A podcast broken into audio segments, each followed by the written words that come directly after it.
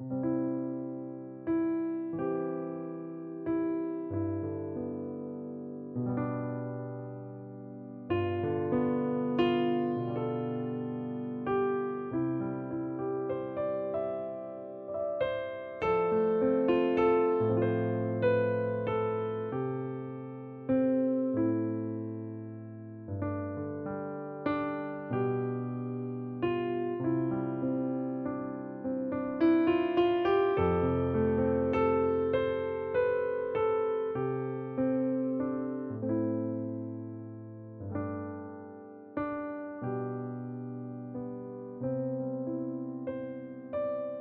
Reforming Heart hari ke-43. Renungan ini diambil dari website pemuda.stemi.id.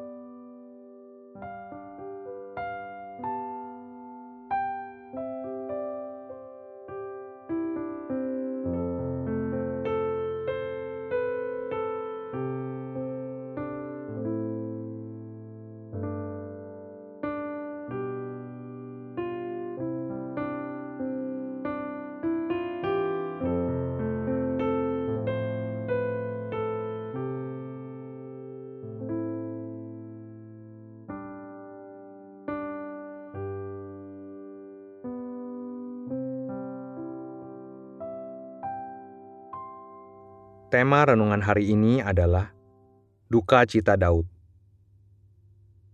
Mari kita membaca Alkitab dari 2 Samuel pasal 1 ayat 1 sampai dengan 27. Demikian bunyi firman Tuhan. Daud menerima kabar kematian Saul. Setelah Saul mati, dan ketika Daud kembali sesudah memukul kalah orang Amalek dan tinggal dua hari di Ziklag, maka datanglah pada hari ketiga seorang dari tentara dari pihak Saul dengan pakaian terkoyak-koyak dan tanah di atas kepala. Ketika ia sampai kepada Daud, sujudlah ia ke tanah dan menyembah. Bertanyalah Daud kepadanya, "Dari manakah engkau?" Jawabnya kepadanya, "Aku lolos dari tentara Israel." Bertanyalah pula Daud kepadanya, "Apakah yang terjadi? Coba ceritakan kepadaku." Jawabnya, rakyat telah melarikan diri dari pertempuran, bukan saja banyak dari rakyat yang gugur dan mati, tetapi Saul dan Yonatan, anaknya, juga sudah mati.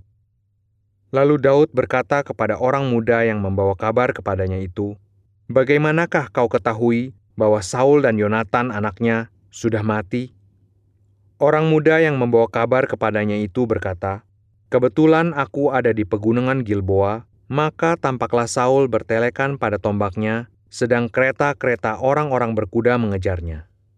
Ketika menoleh ke belakang, ia melihat aku, lalu memanggil aku, dan aku berkata, "Ya, tuanku." Ia bertanya kepadaku, "Siapakah engkau?" Jawabku kepadanya, "Aku seorang Amalek." Lalu katanya kepadaku, "Datanglah kemari dan bunuhlah aku, sebab kekejangan telah menyerang aku, tetapi aku masih bernyawa. Aku datang ke dekatnya dan membunuh dia, sebab aku tahu ia tidak dapat hidup terus setelah jatuh. Aku mengambil jejamang yang ada di kepalanya dan gelang yang ada pada lengannya, dan inilah dia aku bawa kepada tuanku. Lalu Daud memegang pakaiannya dan mengoyakkannya, dan semua orang yang bersama-sama dengan dia berbuat demikian juga dan mereka meratap, menangis, dan berpuasa sampai matahari terbenam karena Saul, karena Yonatan anaknya, karena umat Tuhan, dan karena kaum Israel, sebab mereka telah gugur oleh pedang. Kemudian bertanyalah Daud kepada orang muda yang membawa kabar itu kepadanya, "Asalmu dari mana?" Jawabnya, "Aku ini anak perantau, orang Amalek." Kemudian berkatalah Daud kepadanya, Bagaimana? Tidakkah engkau segan mengangkat tanganmu memusnahkan orang yang diurapi Tuhan? Lalu Daud memanggil salah seorang dari anak buahnya dan berkata, Kemari, paranglah dia. Orang itu memarangnya sehingga mati. Dan Daud berkata kepadanya, Kau tanggung sendiri darahmu, sebab mulutmu lah yang menjadi saksi menentang engkau, karena berkata, "Aku telah membunuh orang yang diurapi Tuhan." Ratapan Daud karena Saul dan Yonatan. Daud menyanyikan nyanyian ratapan ini karena Saul dan Yonatan anaknya. Dan ia memberi perintah untuk mengajarkan nyanyian ini kepada Bani Yehuda. Itu ada tertulis dalam kitab orang jujur. Kepermayanmu, hai Israel, mati terbunuh di bukit-bukitmu. Betapa gugur para pahlawan. Janganlah kabarkan itu di Gad janganlah beritakan itu di lorong-lorong Askelon, supaya jangan bersuka cita anak-anak perempuan orang Filistin, supaya jangan beria-ria anak-anak perempuan orang-orang yang tidak bersunat. Hai gunung-gunung di Gilboa, jangan ada embun, jangan ada hujan di atas kamu. Hai padang-padang pembawa kematian, sebab di sanalah perisai para pahlawan dilumuri, perisai Saul yang tidak diurapi dengan minyak tanpa darah orang-orang yang mati terbunuh, dan tanpa lemak para pahlawan panah Yonatan tidak pernah berpaling pulang, dan pedang Saul tidak kembali dengan hampa. Saul dan Yonatan, orang-orang yang dicintai dan yang ramah, dalam hidup dan matinya tidak terpisah. Mereka lebih cepat dari burung Raja Wali, mereka lebih kuat dari singa. Hai anak-anak perempuan Israel, menangislah karena Saul, yang mendandani kamu dengan pakaian mewah dari kain kirmisi, yang menyematkan perhiasan emas pada pakaianmu.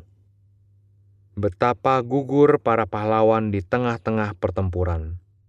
Yonatan mati terbunuh di bukit-bukitmu.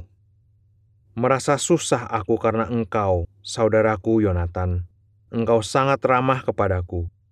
Bagiku cintamu lebih ajaib daripada cinta perempuan betapa gugur para pahlawan dan musnah senjata-senjata perang.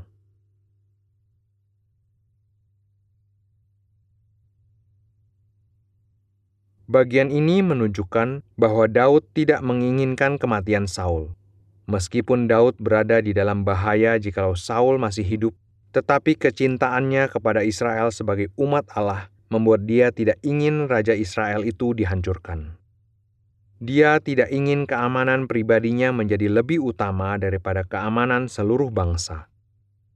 Bagian ini dimulai dengan kepulangan Daud setelah sebelumnya dia berhasil mengalahkan orang Amalek. Seorang tentara Saul yang ironisnya merupakan keturunan Amalek datang membawa laporan kekalahan Israel. Laporan yang diberikan sepertinya berbeda dengan catatan kematian Saul pada 1 Samuel 31. Dalam 2 Samuel pasal 1 ayat 10, dalam laporan orang muda ini, Saul mati karena dialah yang membunuh atas permintaan Saul sendiri. Kemudian dia sengaja mengubah beberapa hal di dalam ceritanya supaya dia mendapatkan penghargaan dari Daud. Tetapi reaksi Daud dan seluruh tentaranya adalah duka cita yang amat mendalam. Duka cita bukan hanya karena kekalahan Israel, tetapi karena kematian Saul dan Yonatan. Bahkan Daud menghukum mati orang muda yang datang membawa kabar itu karena menurut pengakuannya dialah yang membunuh Saul. Ayat 16 menyatakan alasan Daud membunuh orang muda itu, yaitu karena dia berdasarkan kesaksiannya sendiri telah membunuh orang yang diurapi Tuhan. Ini menunjukkan bahwa hati Daud tidak pernah berpaling dari raja yang diurapi Tuhan. Dia tidak pernah kehilangan kesetiaan kepada Saul dia tidak membunuh Saul dalam dua kesempatan. Dia juga tetap berduka karena kematian Saul, bahkan membunuh orang yang mengaku membunuh Saul. Dia tetap setia kepada Saul, walaupun Saul berusaha membunuh dia. Setelah kita renungkan hal ini, barulah kita menyadari betapa bodohnya Saul. Saul membenci Daud tanpa alasan dia menyingkirkan pemimpin pasukan sendiri yang sangat berbakat. Dia mengusir tentara yang paling berprestasi. Kebodohan yang terjadi karena Saul berjiwa kerdil. Mari kita belajar untuk menjauhi jiwa kerdil seperti ini. Jiwa kerdil mudah merasa terancam oleh prestasi orang lain. Jiwa kerdil mudah iri hati jiwa kerdil mudah merasa tersaingi oleh orang-orang lain. Saul menyingkirkan Daud dan karena itu dia kehilangan kekuatan yang sangat besar di dalam pasukan perangnya. Tetapi Daud tetap menunjukkan kesetiaannya kepada Saul dengan berduka karena kematian Saul. Daud juga mengeksekusi pembunuh Saul. Setelah itu, dia juga memaksa seluruh pasukannya bersedih hati karena Saul dengan menyanyikan nyanyian ratapan. Nyanyian ratapan yang dibuat Daud karena kematian Saul dan Yonatan tercatat dalam ayat 17 sampai dengan 27. Ayat 18 mengatakan bahwa nyanyian ini dibuat oleh Daud supaya dinyanyikan oleh orang-orang Yehuda. Orang-orang Yehuda diperintahkan untuk berduka oleh Daud. Mereka tidak boleh bersenang karena kematian Saul, meskipun kematian Saul melapangkan jalan bagi Daud untuk menjadi raja mereka dilatih untuk mempunyai perasaan hati yang melebur dengan seluruh umat Israel. Ayat 18 mengatakan bahwa tulisan ini juga tercatat di dalam kitab orang jujur. Kita tidak tahu tentang kitab ini dan sekarang telah hilang. Tetapi catatan dalam kitab 2 Samuel melestarikan nyanyian ini. Nyanyian kedukaan di dalam zaman ketika kitab ini ditulis sering kali berkait dengan penyembahan arwah dari orang-orang yang telah mati. Tetapi ini tidak muncul sama sekali di dalam tulisan-tulisan Alkitab. Daud menyatakan kekagumannya kepada Saul dan Yonatan dengan jujur. Di dalam beberapa versi tulisan bahasa Ibrani, nyanyian ini disebut sebagai nyanyian busur, senjata yang dipakai oleh Yonatan. Mari kita lihat apa yang tercatat dalam nyanyian ini. Nyanyian ini diwarnai dengan kata-kata betapa gugur para pahlawan ayat 19, 25, dan 27 sebagai pembukaan dan penutupan. Dan karena itu nyanyian ini dapat dibagi ke dalam dua bagian. Bagian awal, yaitu ayat 19 sampai dengan 24, adalah seruan duka cita yang sangat. Dalam ayat 19 sampai 21, Daud menyamakan Saul dan Yonatan sebagai kepermaian Israel. Kematian Saul berarti sorak gembira musuh Israel, yaitu Filistin. Maka karena kematian Saul membuat Filistin bersorak, Israel harus berduka. Selanjutnya di dalam ayat 22 sampai 24, Daud menyerukan alasan mengapa Israel harus berduka, yaitu karena Saul dan Yonatan begitu dikasihi dan begitu perkasa di dalam peperangan. Apakah Saul benar-benar dikasihi? Daud menyatakan kembali di dalam ayat 24 bahwa Saul harus dikasihi karena dia telah memberikan banyak kemenangan bagi Israel, sehingga perempuan-perempuan Israel dapat hidup dengan kemewahan oleh karena jasa Saul. Bagian kedua, ayat 25 sampai dengan 27 dimulai dengan seruan tema betapa gugur para pahlawan. Bagian ini menyatakan perasaan duka cita mendalam Daud karena Yonatan, anak Saul. Yonatan dengan cinta kasihnya yang ajaib kepada Daud. Apa yang ajaib dari cinta kasih Yonatan kepada Daud?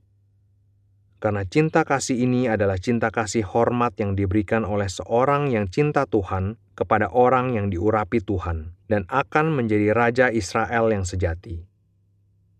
Cinta Yonatan berbeda dari cinta ibu kepada anaknya ataupun cinta istri kepada suaminya.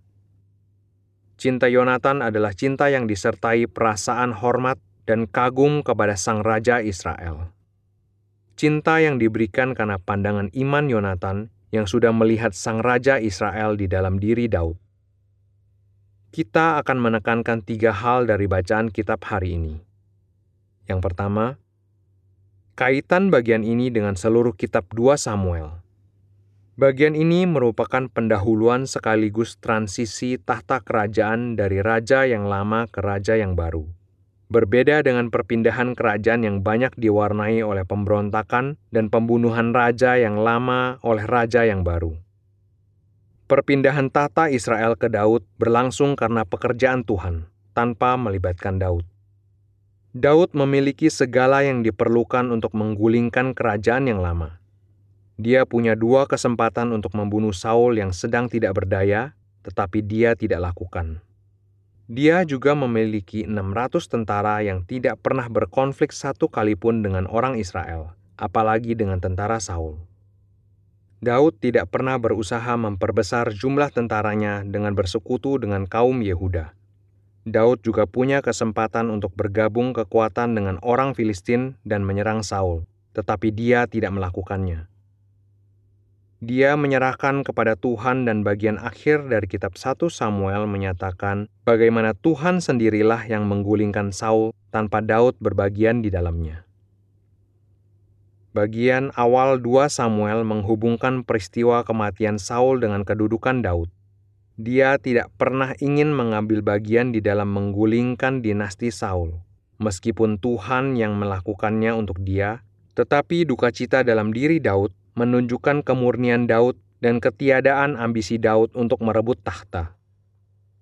Tahta Israel diberikan Allah kepada Daud, bukan dikejar-kejar atau diusahakan oleh Daud.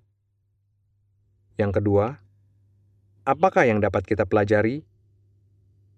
Kesedihan Daud adalah kesedihan karena hati yang telah terikat kepada Allah dan kepada umatnya. Kesedihan inilah yang diperkenan Tuhan. Kita sebagai orang Kristen sering kali melihat untung rugi pribadi untuk merasa sukacita atau duka cita. Jika kita diuntungkan, maka itulah bahagia kita. Tetapi perasaan seperti itu adalah perasaan seorang yang mempunyai rohani kekanak-kanakan. Saul seperti itu, tetapi Daud tidak. Biarlah kita belajar mengaitkan hati kita dengan keseluruhan umat Tuhan. Biarlah kita belajar berduka cita kalau gereja Tuhan diselewengkan oleh pengajar-pengajar yang tidak setia, atau gereja Tuhan mengalami penganiayaan, atau sedang berada di dalam tipu daya kekayaan dan kenikmatan dunia. Tetapi berapa banyak orang yang mau mengaitkan hati kepada pergumulan umat Tuhan? Banyak yang membaca sejarah gereja, tetapi sedikit yang memiliki keterkaitan hati dengan pergumulan yang terjadi di sepanjang sejarah gereja. Banyak yang merasa kasihan karena orang-orang Kristen yang mengalami aniaya, tetapi sedikit yang benar-benar bersedih. Mengapa demikian? Karena tidak melihat adanya kaitan langsung antara diri dengan gereja. Lebih dari itu, banyak yang merasa penginjilan itu penting, tetapi sedikit yang benar-benar menangisi jiwa-jiwa dan mendoakan keselamatan mereka sehingga mereka boleh menjadi bagian dari gereja Tuhan yang ditebus oleh darah Kristus. Mari berdoa memohon kepada Tuhan supaya kita mempunyai hati yang sungguh-sungguh terpaut dengan gereja Tuhan. Daud menangisi Saul walaupun Saul ingin membunuh dia. Tangisan Daud adalah tangisan orang yang hatinya begitu terpaut kepada Allah, umat Allah, dan raja yang diurapi Allah untuk menggembalakan umat Allah. Berhentilah memiliki hati yang sempit yang hanya menampung diri sendiri dan kalangan sendiri yang sempit. Mari belajar memiliki hati yang luas, yang mudah tergerak untuk gereja Tuhan dan pekerjaan pelayanan bagi kemuliaan nama Kristus. Yang ketiga, bayang-bayang Kristus. Bagian ini mencerminkan penghormatan Daud kepada Saul karena Saul adalah raja yang diurapi. Penghukuman yang Daud harapkan dilakukan Salomo kepada Simei juga adalah karena Simei mengutuki Daud, raja yang diurapi Tuhan.